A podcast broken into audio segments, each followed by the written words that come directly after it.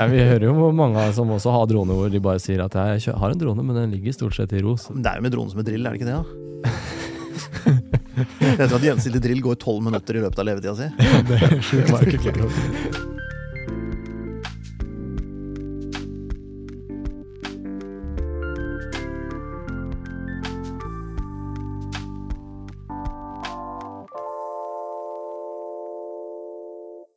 Kjære ørevenner, kjære seere der ute. Velkommen til en ny episode av Fotopodden. I dag er vi en ekstra person i studio. Vi har faktisk to gjester. Det er Mathias Bråten og Jonas Sandell fra Above Media. Og dere driver med droneflyving. Riktig. Ja. Det har jo skjedd mye der, altså sånn på privatområdet med sertifiseringer og, og klasser og ting og tang. Og jeg håper at dere kan eh, være med og hjelpe oss å oppklare noen av de spørsmålene også, mens dere er her. Ja, vi føler jo også selv at eh, jo mer vi leser, jo flere spørsmål sitter vi igjen med. Men Ja, eh, vi har i hvert fall brukt en del tid på det, så jeg tror vi kan komme med et par svar på hvordan vi tenker, og litt hvordan vi jobber oss rundt dagens regelverk. Ja. Hjertelig velkommen skal dere være, i hvert fall. Tusen takk. Jeg har jo skjønt at det er ganske komplisert. Um, rett før jul så leste jeg en sak om deg, Mathias, i skal si alle aviser. Nei, det var ikke alle aviser, men uh, om en filminnspilling som du klarte å stoppe. Fordi der var det noe surr med noen sertifiseringer eller noen regler eller noe ting. Kan du si hva som skjedde der? Det vi så fra vårt ståsted, var jo bare en, eh, en operatør som eh, oppga feilaktig informasjon. Om det var med overlegg eller eh, eh, slurv, det kan jo ikke vi svare for. Men eh, vi så jo at det var veldig likt på måten vi ville Veldig likt et type oppdrag vi ville løst. Og vi kjente igjen utstyret, vi kjente igjen framgangsmåtene. Så så bare veldig greit at det her stemmer jo ikke.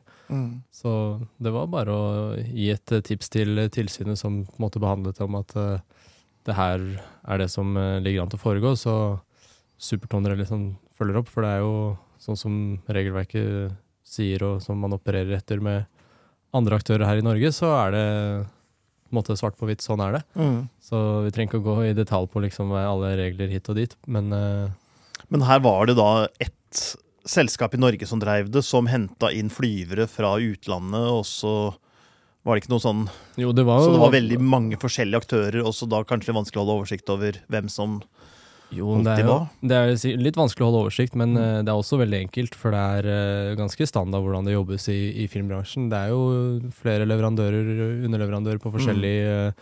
yrkesgrupper, kan man jo si, da, hvor dronene står for sin leveranse. Så droneoperatøren er jo til syvende og sist ansvarlig for at man eh, har sin egne sertifisering på plass, Mm. og setter seg inn i lokale forhold. Det var det vi reagerte veldig på, at det var ikke i nærheten av å gjøre det. Så vi har jo på en måte sett tendenser over tid da, med både andre og type folk i utlandet, hvordan man klarer å egentlig navigere seg gjennom eh, ganske heftige jobber i verden på så kort tid. Så når vi på en måte kunne se innsynet i saken, hvordan dette egentlig foregår, med egne øyne, så gikk det på en måte opp et lys. mm. Det var derfor eh, det var en trang til å si fra. Det var jo en tendens vi hadde sett over tid. Så Du fikk en del pepper for det, da. Absolutt. Det var eh, Men jeg tror eh, vi fikk belyst et veldig viktig tema. Ja. Eh, det var, Ja, for det er jo en utfordring. ikke sant? Nå er det kommet ganske tydelige regler, og for mange tilsynelatende kompliserte regler. Og jo flere regler det er, og jo mer kompliserte de er, jo lettere er det for noen å ønske å gå utenom. For da blir det mer krevende å forholde seg til, og det er lettere å da få en innersving på konkurrenter, f.eks. Hvis man lar være å følge reglene. ja, vi, vi føler jo det selv, at det er en veldig splittet sak. Eh, noen vil jo hevde at reglene er ødeleggende. eh, og andre vil jo hevde at reglene er for det bedre, for det ivaretar bransjens eh, sikkerhet og omdømme i en positiv eh, retning. Men uh, vi kjenner jo veldig til det som uh, på en måte ganske kreative sjeler selv, og oppdragsgivere som i veldig stor grad er kreative.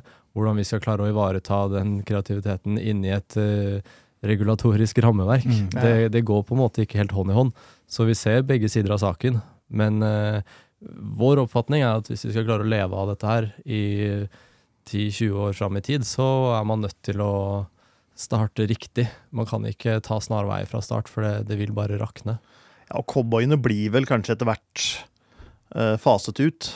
hvis ikke cowboyene får drive på så lenge at de seriøse blir faset ut. Man ser jo bransjer hvor det skjer.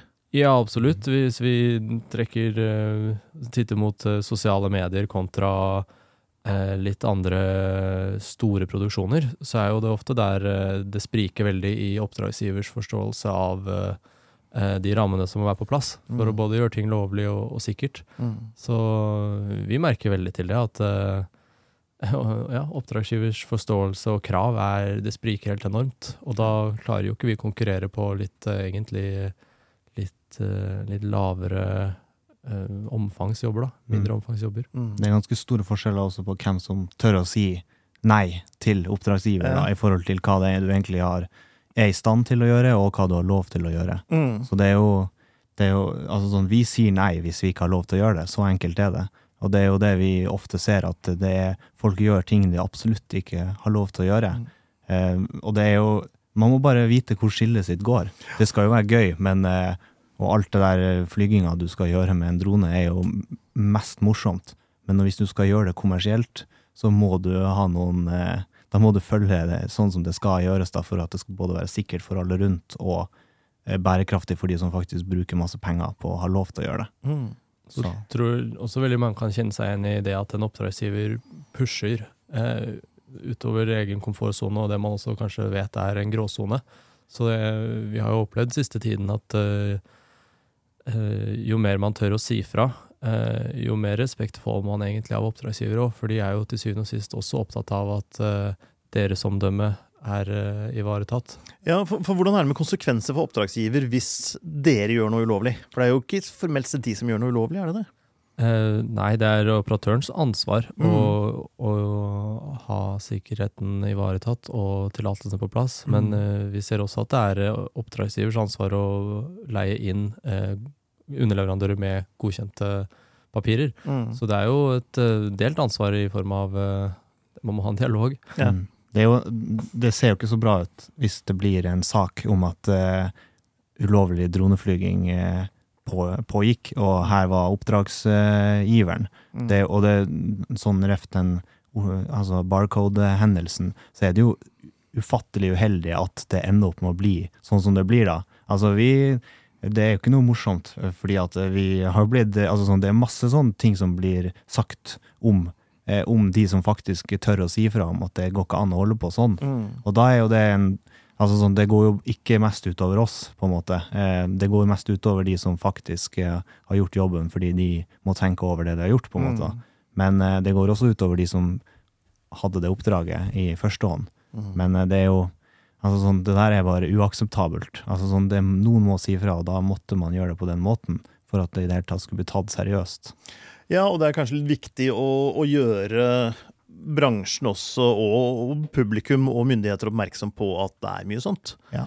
Um, og det har sikkert ikke vært bra for de som hadde det oppdraget. og jeg vet ikke hvordan det er for dere, om dere har fått et dårlig stempel i bransjen, eller om dere har fått et kvalitetsstempel i bransjen, eller hvordan det er kommet ut. Det spørs sikkert hvem du spør, men det, det bryr vi oss ikke så veldig mye om. Fordi Nei. de som er seriøse og bryr seg om hva det er som skal leveres, de tenker ikke på det på den måten. Mm. Så det er jo Altså, det der er Vi, vi har liksom tatt et valg om at Tias er liksom sikkert best i Norge på regelverk, og det er liksom Da må man bare stå for det. Da tror jeg liksom det er den lureste måten å holde på. Fordi vi har det jo super Altså sånn det er mest gøy å liksom gjøre luftfoto, da, hvis det er det man skal si. da. Mm. Men eh, det er liksom Skal man gjøre det seriøst, så må man bare ta, altså, ta seg tida til å gjøre det på ordentlig måten. Mm. Og det er jo altså, det er forskjell på hobby, morsom Altså hvis du kjøper en drone på foto.no og, og skal filme litt i naturen og kose deg, liksom, fordi du syns det er gøy å, å ta bilder, da, da er jo det veldig stor forskjell fra hvis du driver ordentlig business, liksom. Mm, klart det. Det Og også risiko. altså Detter en 250 grams drone ned. Ja. Grunnen til at det er så lite sertifisering, og ting på den er at du får ikke skadd noen alvorlig med en 250 grams drone. Ja. Når jeg har sett de bildene av de svære fjernstyrte helikoptrene dere driver med, så Ja, vil jeg helst unngå å ha de i huet. Altså. Ja, og det er jo det som er gøy. Det er jo altså sånn, det der droneopplegget er jo bare helt sykt. Vi, vi har jo alt fra det absolutt minste som finnes, til det største som finnes av eh, liksom, eh, film- og da, Liksom. Nå finnes det jo større massetransport. Men eh, det er jo liksom Det er jo veldig gøy at man kan løse absolutt alt med forskjellige typer verktøy. da. Mm. Og det er, det er jo det vi syns er morsomst av alt. da. Ja, for der er det blitt ganske mye etter hvert. Altså, vi selger jo droner med fire propeller og løftekapasitet på ca. 8 gram utover egenvekta. Mm. Så du får plass til en liten lampe som kan blinke i mørket. Ja. Uh, og utover det så er det ikke så veldig mye. Men dere må jo kunne løfte svære kamerarigger og fly i lengre tid og Ja, det er jo det er en, en drone for hver, hver jobb. Altså, så, eller sånn, ikke en drone, men for hvert formål så er det forskjeller på dem. Mm. Og det, det er jo det som er det, det som er gøy. Altså, skal du fly langt, eller fly kort, eller om du skal ha tungt, så er det liksom sånn vi må hele tida tilpasse det vi skal bruke. da. Og så er det jo gøy å liksom kombinere kamerautstyr under eller over eller bak. Eller, altså sånn, det er bare helt Bare bestill det, så er det liksom, kan man gjøre noe. Eh, Er dette kommersielt tilgjengelige droner dere bruker, eller sitter dere på bakrommet og mekker og skrur og finner lure måter å montere ting på, eller forlenge, flytid, eller få plass til mer batterier, eller Ja, det er vel 50-50. Ja, altså, det, sånn, det er 50-50. ja. Det er men det er jo det som er kult med det vi kaller hyllevare òg. Kommer jo veldig langt med det, og det er en langt mer behagelig arbeidshverdag. Eh, litt lavere skuldre når man kan eh, ta opp noe som er lagd av f.eks. DJI. Det, Ja. Vi skal ikke undervurdere mulighetene det, sånne ting gjør, med tanke på også regelverket. Så mm. Ja, for det er vel regelverk der også. Det er vel litt som med bil. At du kan jo godt mekke på en bil, men hvis Ja. du gjør for store endringer, så så skal den jo godkjennes. Ja, Mm. altså vi sitter veldig ofte og vurderer om en ny type drone eller en ny type formål å bruke denne dronen på, med noe tyngre eller noe mer avansert, er verdt papirarbeidet. papirarbeidet. Fordi eh, det kan godt hende det bare er én til to eh, oppdrag hvor det er aktuelt. Og Mm. da kan det hende at det oppdraget også løser seg uten. Så det er en sånn helhetlig vurdering vi gjør eh, ganske ofte. Så, Det er jo litt det er jo, Altså, for oss, da, eller sånn for en, eh, en, en bedrift som har et, eh, et manualverk og en et opera, altså operasjonsmanual for å holde på med det, så er det jo ikke bare å gå eh, å lage en ny drone og så dra på jobb med det dagen etterpå. Det, det er jo en prosess for at det i det hele tatt skal kunne være mulig. da. Mm. Så har vi det ikke liksom i kategorien, eller sånn på hylla, så er liksom, da må, må vi drive på litt for å liksom, at det skal holde, kunne være en, en ting vi bruker på jobb. da. Sånn til, eh, for å sette ting i perspektiv, så har vi jobbet en ganske lang tid nå med det som heter droneshow. eh, Hvor det er lysdroner i lufta i måtte, flere hundre.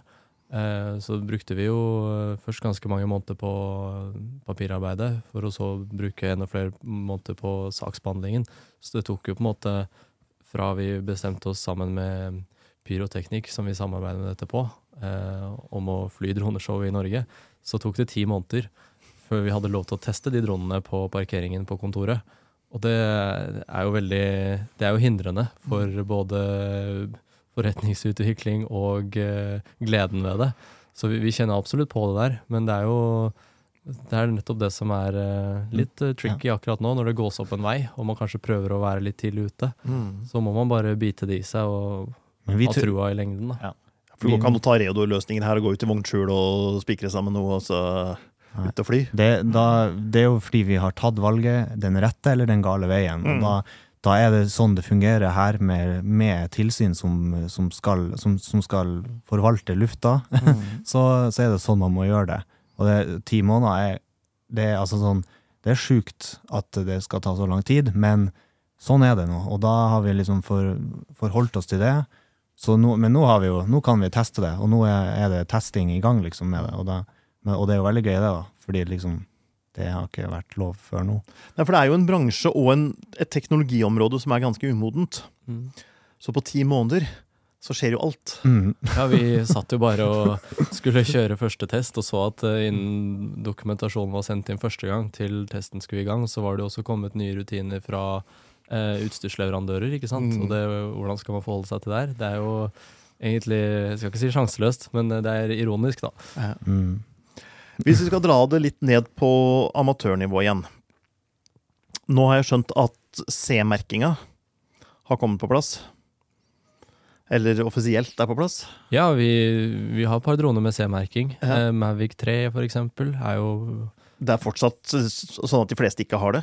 Ja, de litt eldre DJI-versjonene har de vel ikke innført det på fra Nei. DJI, da, men du kan jo Men må du ha det nå for å fly, eller må du Du må ikke ha det for å fly, Nei. men det, det regelverket er vel kanskje litt mer liberalt når du har en C-merking. Ja. Eh, Det åpner opp veldig mange muligheter, både de under 250 grams dronene og de eh, som har en C-merking i dette som kalles åpen kategori.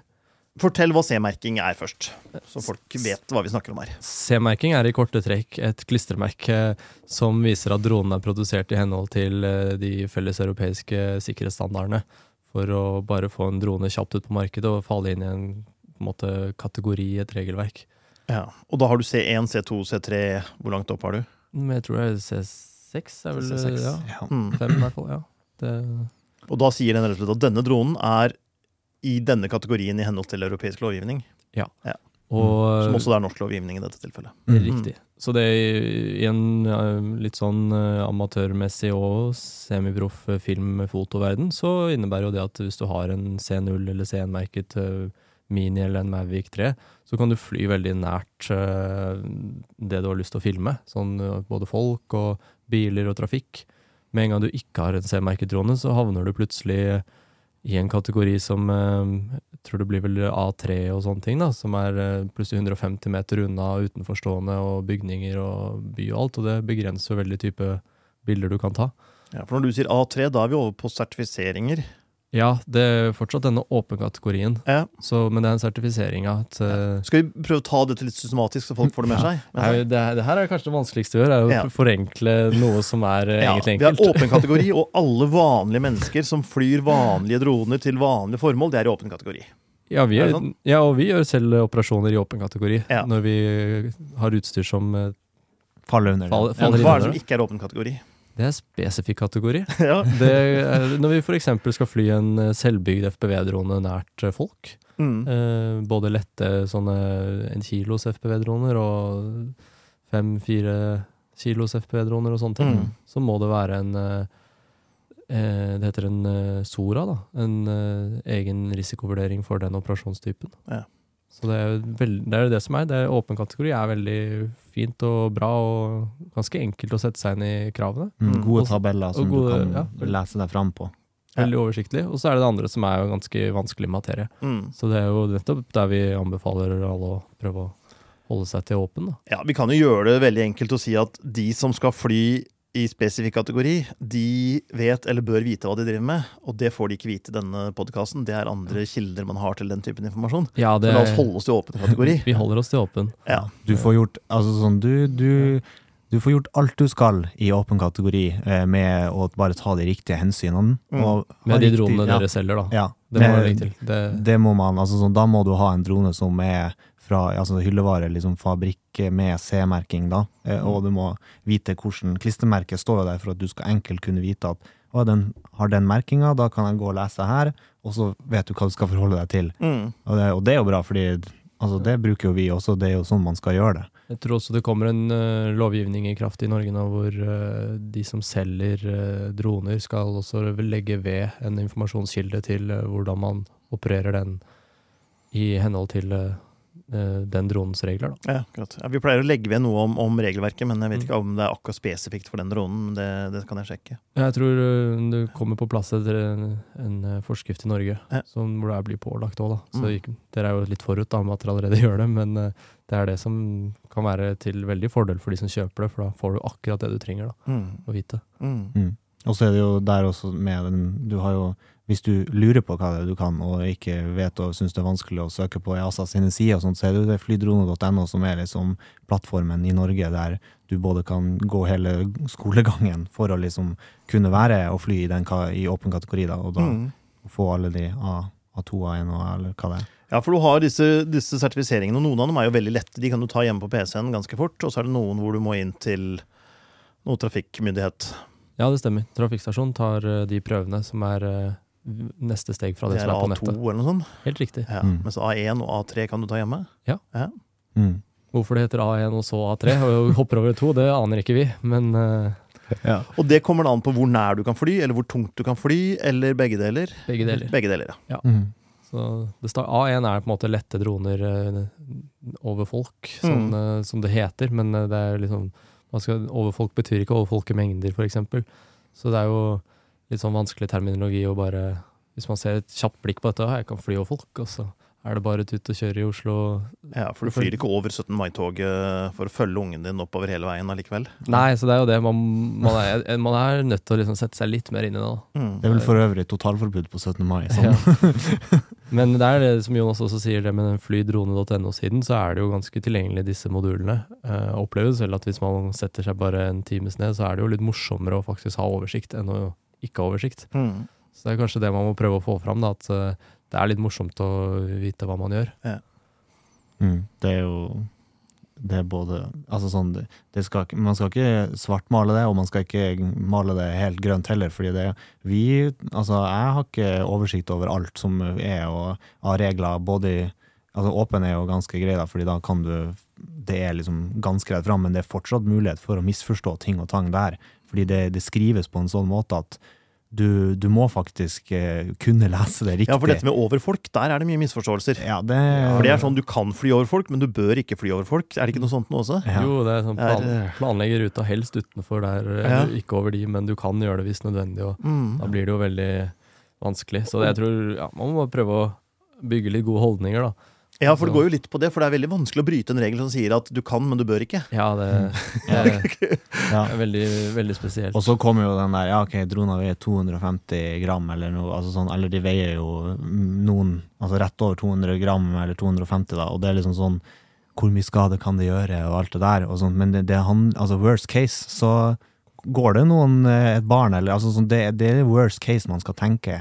Altså, kommer den fra 150 meter opp? da går det fort ned. Ja, det gjør det, altså. Jo, jo, så det, Men det, det, altså sånn, det, det, det er veldig enkelt å få oversikt for hvem som helst. Altså sånn, Kjøper du en drone og har råd til å kjøpe den, så skal du sette deg inn i hva du har lov å gjøre. Så enkelt er det. Mm. Og det er jo det, er jo det vi brenner for, fordi at vi har det her som en jobb. Og det er jo det som er viktig for oss, at folk som har det som en hobby, ikke misbruker liksom lufta på en måte som gjør at det blir vanskelig for oss å gjøre jobben vår. Mm. Så det er jo, men det er jo mest gøy, og vi har masse natur som er super å bruke. Det er bare det at eh, ikke bruke byen. Ikke bruk byen, flyplassen eller sykehuset. Ja. Mm. ja, det er, det er mye gjort. Ja. Ja. Er det sånn at alle må ha en sertifisering, uansett? Eh, nei, det, hvis dronen er under 250 gram også, så trenger du ikke noe eh, måte, kompetansekrav. Nei. Det er mer eh, ansvarsforsikring og Ja, for det må du ha nå. Ja, det er lovpålagt. Og så er det den registreringen på flydrone. Så det er jo der det er på en måte veldig mørke tall, får vi opplyst fra Luftfartstilsynet slash Avinor. Jeg vet ikke hvem som står for tellinga på alt det der, men det er jo veldig mange droner solgt, og et antall folk som ikke registrerer, er jo da veldig høyt. Så det er jo Ja, det de savner, å få et register på de som faktisk flyr. ja nettopp. Mm.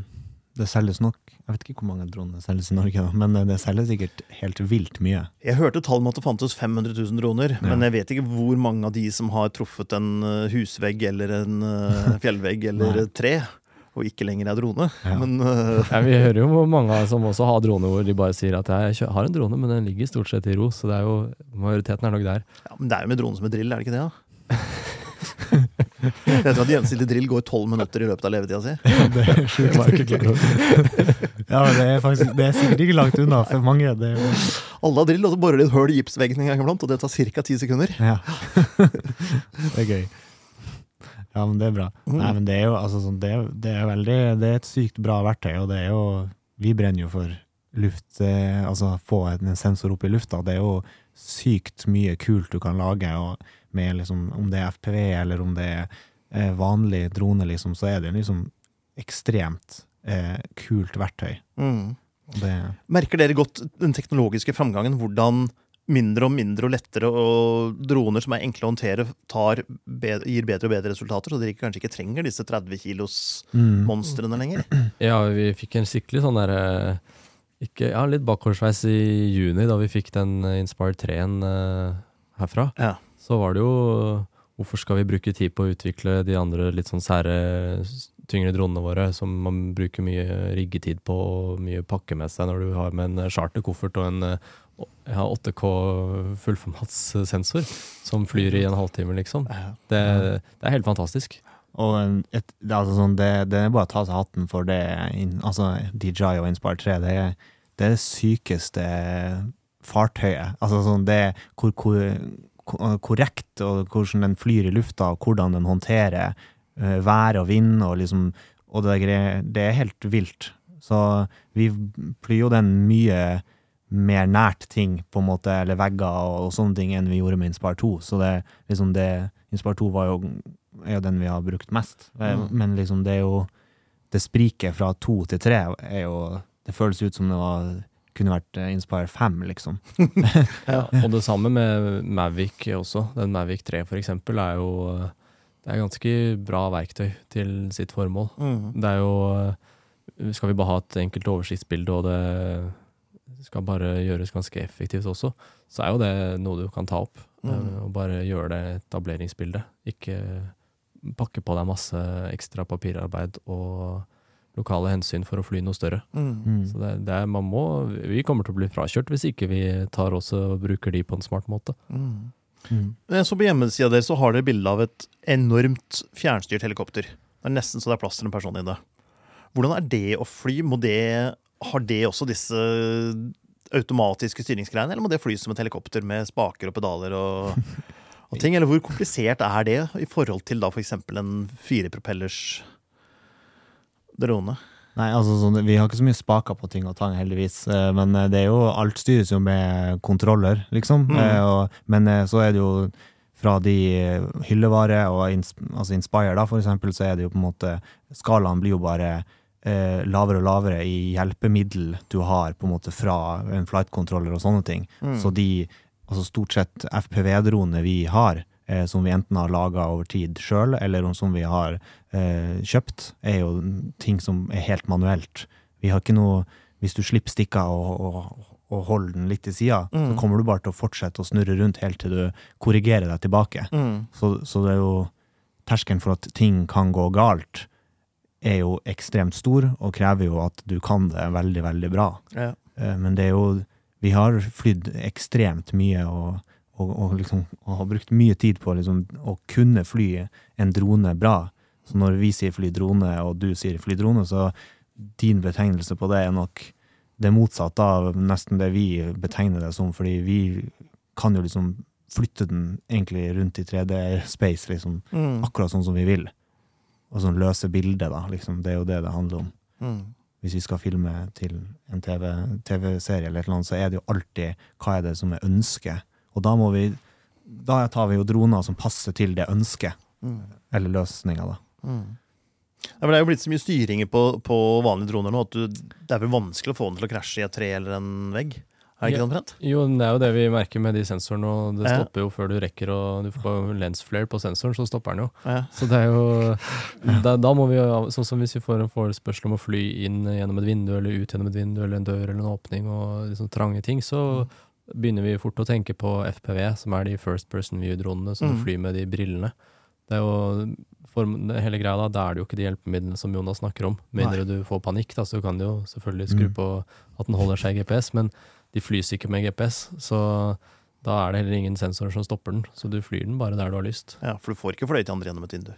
Nei, de, de stopper De stort stopper, sett. Du kan Ja. skru av sensor og sånn, men det er veldig sånn mekanisk måte å dra i stikka på. Ja. Så Mm. det, Det føles alltid ut som du har litt hjelp fra en datamaskin, på en måte. Sånn, det, er, det er den der eh, altså sånn, Slede med bil uten å få skrudd av liksom, Ja, styringssystemet. ABS-en, Mm. eller hva det er, det er alltid liksom i, i eh, Ja, altså. Kjører du en moderne elbil, så er det jo så mye datamaskin at Ja. det Mm. du gjør, er å svinge på rattet og trykke på Ja. gasspedalen. Det er litt sånn det er. Men, ja. Men det er det som er gøy med liksom, Det er jo det alle som flyr eh, sånn FPV First Person View-droner, er jo at det er akkurat som å sitte der inne, og du kan Når du, når du lærer deg liksom hvordan du dømmer avstander og sånne ting, så, så er det jo ikke finnes ikke en begrensning på hva du kan få til. Og det er å treffe liksom de minste altså sånn, Du kan ha så sykt presisjon. Stuntflyving. Ja, Ja.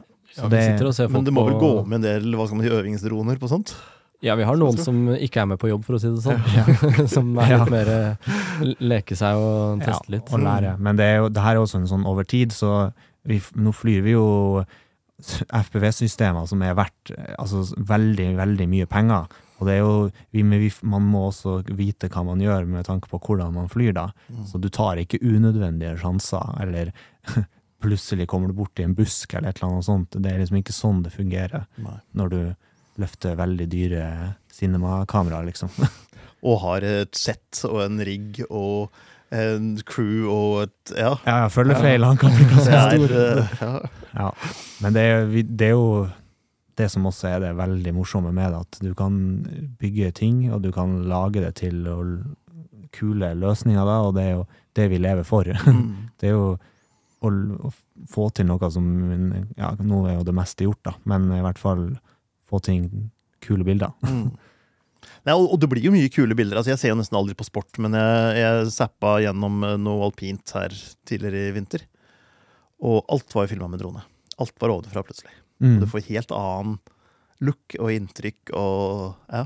Nei, Vi blir jo glad for å høre at eh, folk og du sier det, fordi hadde ikke folk likt den looken og de bildene, så hadde jo ikke vi hatt så mye å gjøre. Så er jo, vi er superglade for å høre det. Og Mm. det er jo, selvfølgelig er vi jo enige selv, for det, vi syns det er eh, kult, og vi driver med det. Mm. Men eh, det er faktisk Når det er riktig verktøy på riktig sted, så er det ganske mektig. Mm. Så det er, ganske, altså sånn, det er jo det som er det kule på sånne ting, er jo at i sport og sånne ting, og alpin for eksempel, så kan du liksom få et kamera inn i actionet. Mm. Eh, For det blir liksom fra at du kunne ha med én tur med en prøvekjører med ned løypa, så er du nå plutselig bak hver eneste løper, mm. nesten. da. Og det, det er jo sånne ting som tar sporten til det nye, så ingen gidder å komme og se på. Hvis dere har sett langrenn på TV på 60-tallet, så hadde de ett kamera i skogen. Ja. Så står det en der og kommenterer og lurer på når denne løperen kommer ut av skogen og liksom inn i kamerabildet. ja, Og ingen vet helt hvor de er, og ingen vet hvor lang tid det tar, og ingen vet hvor, men vi håper at noe snart skjer. det blir jo et annet da. Ja. Men eh, ja, det er veldig kontrast, det. Ja. Ja, nå vet du alltid hvor utøveren er. Men vi hadde en episode, det er mange år siden nå, da, men eh, i tidlig dronenes barndom, hvor en diger drone datt ned, var det en meter bak en av disse alpinistene Mm. i løypa. Mm. Ja, det er det vi får høre veldig mange steder vi drar på idrettsarrangement. Det vi var senest i Østerrike for eh, to uker siden, og det er jo det østerrikerne prater om der, er jo den eh, ulykken i alpinbakken. Mm. Mm. Så vi, for det første så skal jo ikke det, det skje, og vi tror veldig mye av regelverket i dag og hvordan mange operatører eh, velger å gjøre ting, eh, så ligger man et stykke unna at det, det skal kunne skje. Mm. For det, Mm. det tror jeg man har tatt lærdom av. Så, men det er jo det. Man må Vi, da, da kan vi si at vi er veldig heldige som eh, at uh, teknologien går fremover, utstyr blir lettere, du kan få samme bilde som den 30 kilos drona der fikk med noe som veier mm, nesten 250. Ja, altså sånn det, Hvis du skulle pressa det, så er det liksom 250 gram, så hadde du fått det samme som de fikk den gang, på en måte. da. Mm. Men eh, at det gikk bra, det skal vi være glad for, fordi det har liksom tatt ganske lang tid før f.eks. FIS og sånne ting har godtatt at eh, de introduserte tilbake drone inn i liksom midt i sporten. Men eh, det, det er jo der også, det er liksom det, Man skal ikke begynne å snakke om hvor mye jobb som kreves for at det i det hele tatt skal kunne gjennomføres sikkert. Og det er liksom, her er det, her er det liksom droner som er ene og alene brukes til det formålet, og for det om det veier ingenting, så går det veldig fort, og det er liksom Vi må bare vi må passe på på sånne ting også, uten at Men hvordan gjør man sånn rent logistikkmessig hvis man har et alpinrenn, og så setter en alpinist utfor hvert tredje minutt, hvert fjerde minutt, Mm. Og så bruker han to og et halvt minutt ned, eh, og så er det en drone som følger den, og så må det da være en drone klar der oppe til nestemann, mm. og så må du vel ha et system for å frakte droner der nedenfra og opp. Ja, Du må jo ha et enormt antall droner, enormt antall folk og systemer for å frakte dette her, og for å skifte batterier og for å Ja. altså, Nå kommer du til å bli overraska, men ja, det er egentlig bare Det holder med en drone. Du Holder må bare ha Altså Produseren må bare skjønne begrensningene på hvor lenge den drona kan følge utøveren da, for å komme tilbake til batteribytte, for å så rekke opp til start på neste utøver. ja. Så det er jo bare en uh, Du har ikke én som følger hele veien ned, du har en som går i stykket, som så kan fly opp igjen. Ja, Og så har du folk underveis som riktig. ja. Vi kommer nok seg dit at det blir en hele veien, men eh, da rekker man ikke, hel, altså, da rekker man ikke alle løpere. Men sånn som det nå er det jo predefinert eh, en strekning Ja. som skal tas med den drona. Eventuelt så kan det jo plasseres ut flere team nedover, mm. sånn at det liksom er noen som tar forskjellige strekninger. Men da er det jo å klippe inn her, og så følge, følge, følge, klippe ut, og så snur drona. Enten kjører den inn og bytter batteri, som den mest sannsynlig gjør, og så kjører den opp igjen, venter på neste løper, tar den, klipp inn, klipp ut, og så bare repeat. Ja. Lykke til. Så sånn, det er liksom sånn det må gjøres, da. Og har de motivgjenkjenning, så du kan si 'følg den løperen'? Nei, det Nei, Du må sitte det står en operatør og følge. Ja, de er helt manuelle, de der. Mm. Ja, eller det sitter en operatør med briller og flyr etter løperen. Ja. Ja. Så det er liksom Det er FPV-system som brukes på sånne type Og så er det broadcast-system som leverer bilde til TV-sendinga, da. Og det er ikke noe problem at de ikke går fort nok når du har utfor og de kjører i 130 km i timen nedover der. Nei, heldigvis funker Det går bra? Ja, Ja. det, Ja, altså det, de bygde til formålet, så går det, er det ikke noe stress med sånne ting. Men her i en alpinbakke eller i en hoppbakke eller uansett sånne arenaer, så er det jo mye sikkerhet. Altså sånn, en operatør må jo tenke da på hva skjer hvis drona kortslutter på egentlig basically alle stunder da. Mm. Hvordan flys det i forhold til hva ville skjedd hvis jeg har en sving og så har jeg full gass? Hvis drona kutter akkurat nå, hvor vil den lande? Uh, og det er jo Ja, For den bør ikke lande i publikum, og den bør ikke lande i ryggen på utøveren. Og, Nei. Ja. Så det er jo ja, det er det som er eh, hele rammeverket der. Mm. Da. At det, Men når den kutter, kutter den da liksom helt, eller eh, mister den igjen motor, eller Det hva kommer er det litt som an på ja, det, man må ta høyde for alle de scenarioene. Mm. For det, det er jo for litt forskjellige utfall. ja. Og litt forskjellig hvordan de er konfigurert. Altså sånn, Det kommer også an på hva hvem har bygd, eller hvordan er det bygd, og hvordan sikkerhetstiltak er tatt for i bygging, og alt det der. Mm. Men eh, du må kunne garantere altså, Eller du må være sikker på at det ikke, du treffer noen. Det er jo, det er jo De her veier jo fort et kilo, liksom. Mm. Ja. Så, Og i 100 km i timen så er det en del, ja. ja, det flytter seg ganske Så, men eh, det, det er helt Det er kule bilder, Mm. men eh, du kan jo tenke på det neste gang du ser på det, og, og ha litt sånn OK, hva, hvordan er det egentlig det her oppleves, da, når du står og ser på det? Mm. Så kan du tenke at det det er et kilo som er der, og hva, hvor drar det, liksom? Så det, det, det er jo Vi syns jo det er dritkult å både se og gjøre sånne type oppdrag. Mm. Så det, det er jo Men her gjøres altså alt sjøl, så da må du kompensere for vind, og du må kompensere for alle mulige sånne ting sjøl. mm. Så, Så det er kunst. ja. Ja, Du må jo beregne liksom, hvordan løperen kommer til å legge svingene og, og Ja. sånne ting også. Du må jo kunne idretten en del. Ja, jeg tror, vi- For å gjøre det godt. Det er jo det som er et fortrinn for oss i hoppbakken, at vi er gamle skihoppere, f.eks. Ja. Så det gjør at vi kjenner rytmen på en uh, idrettsarrangement og konkurransen og utøverne og sporten veldig godt. Mm. Mm. Det er en stor fordel der. Ja, Nettopp. Er det noe vi bør si til vanlige brukere der ute som kan gi dem inspirasjon? Altså Hvis det ligger et par hundre tusen droner i en skuff, så syns jeg jo det er veldig trist. Ja, jeg tenker, altså, sånn, eh, jo flere som stiller spørsmål til noen som kan mer enn seg selv, er jo kanskje det beste stedet å starte, da. Mm. Vi har lært veldig mye av andre flinke folk. Eh, og bare få lav nok terskel til å prate sammen. Ja. Det er egentlig veldig nyttig. Jeg tror man kan lære av hverandre. Så er det jo bare å søke informasjon. Gidde å sitte litt på en kveld og, Mm. Og lese seg litt opp. Jeg, jeg tror mange er litt sånn nervøse for de, hvor de kan fly, og når Ja. og hvordan. Altså, det er jo ikke over nasjonalparker, og ikke over bysentre, og ikke over flyplasser, og ikke over sykehus. Og sykehus har ganske stor radius i forhold til selve sykehuset. Mm. Og noen må langt av gårde før de faktisk kan fly den, hvis de bor i byen. Mm. Mm. Det blir jo litt sånn hinder på hvor mye du får brukt det. Ja, absolutt. Er det noen enkel måte å finne ut hvor du kan gjøre det? Og sammen hvis man skal utenlands. Jeg reiser til mange rare land, men jeg tør aldri ta med en drone, for jeg aner jo ikke hvordan reglene er, og jeg har ikke lyst til å begynne å krangle med en toller om jeg har tolket reglene rett, eller om han som tolker det rett, for det er alltid han som får rett.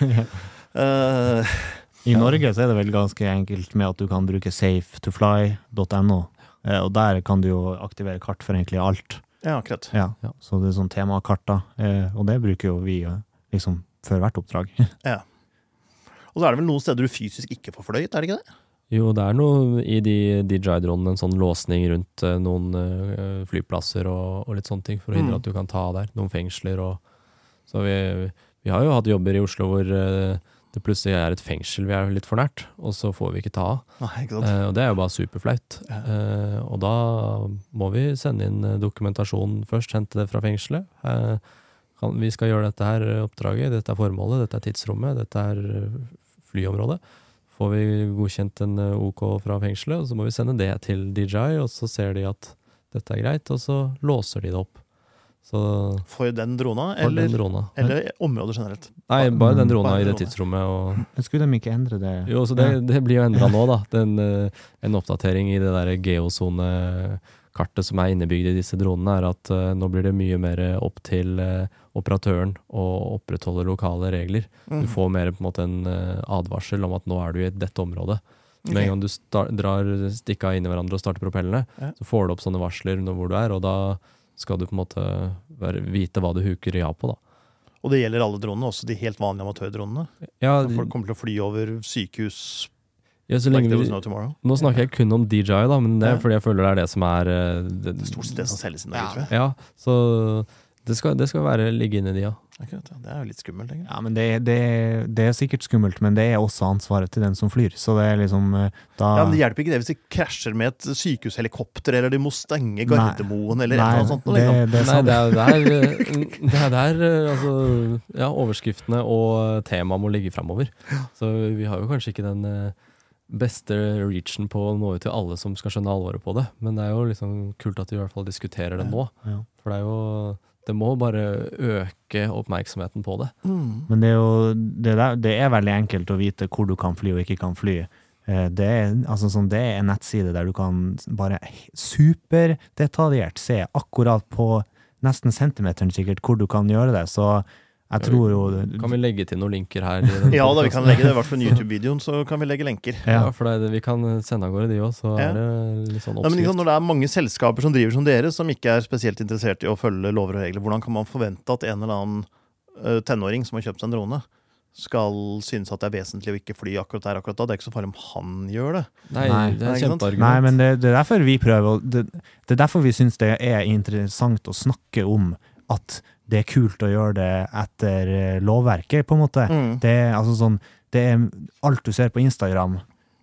Hvis du Altså, jeg vil eh, Det du ser på Instagram, skal du også huske på at det mest sannsynlig ikke er gjort riktig. Mm. Altså, sånn, da, må du, da må du verifisere, og det er jo helt eh, bananas hvor mange som skriver at de er i den klassen og sertifisert her og sertifisert der.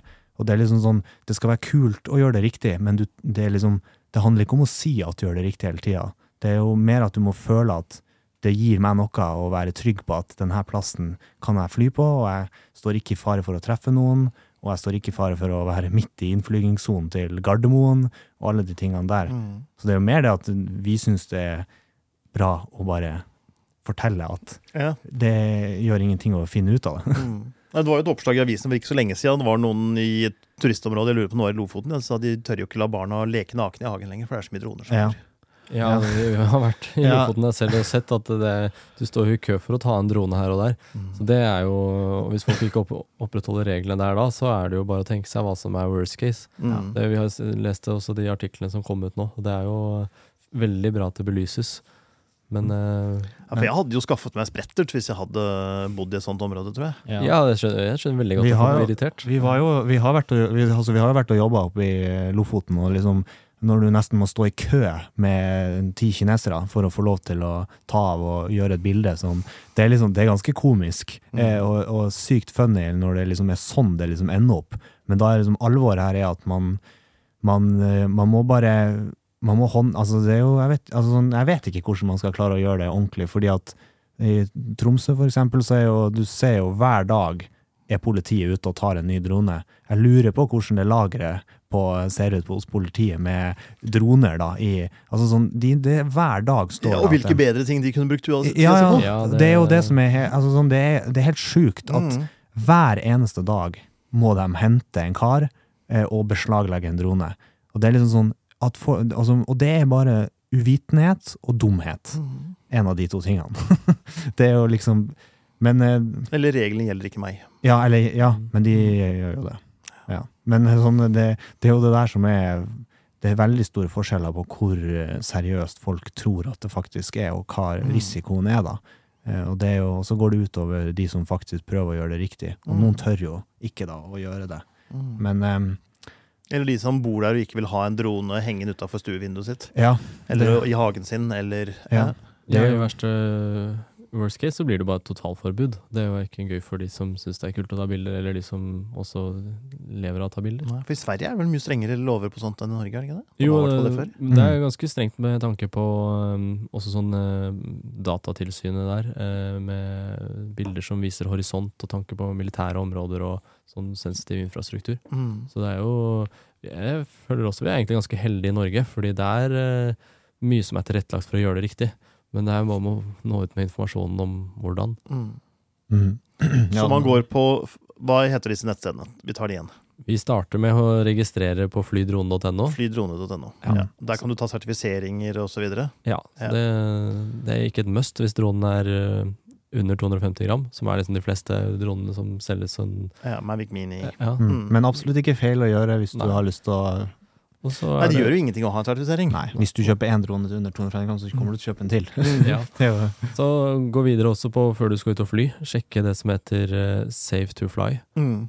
Der er det mm, veldig enkelt å få oversikt over eh, verneområder og mm. eh, luftrom med flyplass hvor sonene går. Mm. Det er bare rett ned på et kart, og så ser du forskjellige farger på forskjellige soner du skal holde deg unna. Mm. Men først så måtte man ha liksom en operatør, og så måtte man ha en logg, og så måtte man registrere. Og så, det var liksom masse greier. Er det fortsatt sånn? Nei, Hvis du flyr privat, så er det jo egentlig ikke noe krav til at du skal eh, være en, eh, måtte ha en operasjonsmanual. Det er jo Ja. mer hvis det er en virksomhet, Ja. at du må håndtere folk og prosedyrer. Ja. Så det er jo veldig Men virksomhet, da har du et enkeltmannsforetak, og så tar du noen sånne filmer for en eiendomsmegler. Mm. Da er du plutselig et foretak. Jeg tror det, jeg lurer på om det er et skille hvis det er flere enn én person. Okay. Jeg tror hvis det bare er én person, så er det litt enklere. Mm. Er liksom, jeg tror de har prøvd å gjøre at det skal være mulig for folk også å følge reglene uten at du føler at du er en bedrift når du bare er en person. Ja. Men det er jo mer det at uh, når du begynner å få flere folk, så skal alle ha samme oppfatning av hva som er uh, opp og ned. Så skal du gjøre kommersielle oppdrag, så sjekk er egentlig Ja. Ja.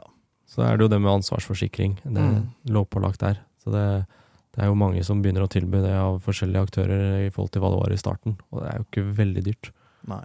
Hvor går man for å finne sånn? Forsikringsselskapet sitt? Eller UHS Ja, Norge, Norway? Eller US Norway har jo Ja. forsikring, og det var vel første stedet vi fant det, for det var det ikke så mye. Men nå ser jeg også at eh, sånn som Gjensidige og eh, andre sånne vanlige forsikringsfolk har det. Ja, akkurat. Men eh, ja, jeg har ikke satt meg veldig inn i de mm, private, hva de tilbyr, da. Nei, så følg reglene, finn på noe kult, og fly i vei. Ja. Dra ut i naturen. Dra og kos deg i naturen. Ja. Det er det som er bra. Nei, men Da sier vi tusen takk til dere, Mathias og Jonas. Tusen takk til alle som hørte på og så på, og vi er tilbake igjen om en uke.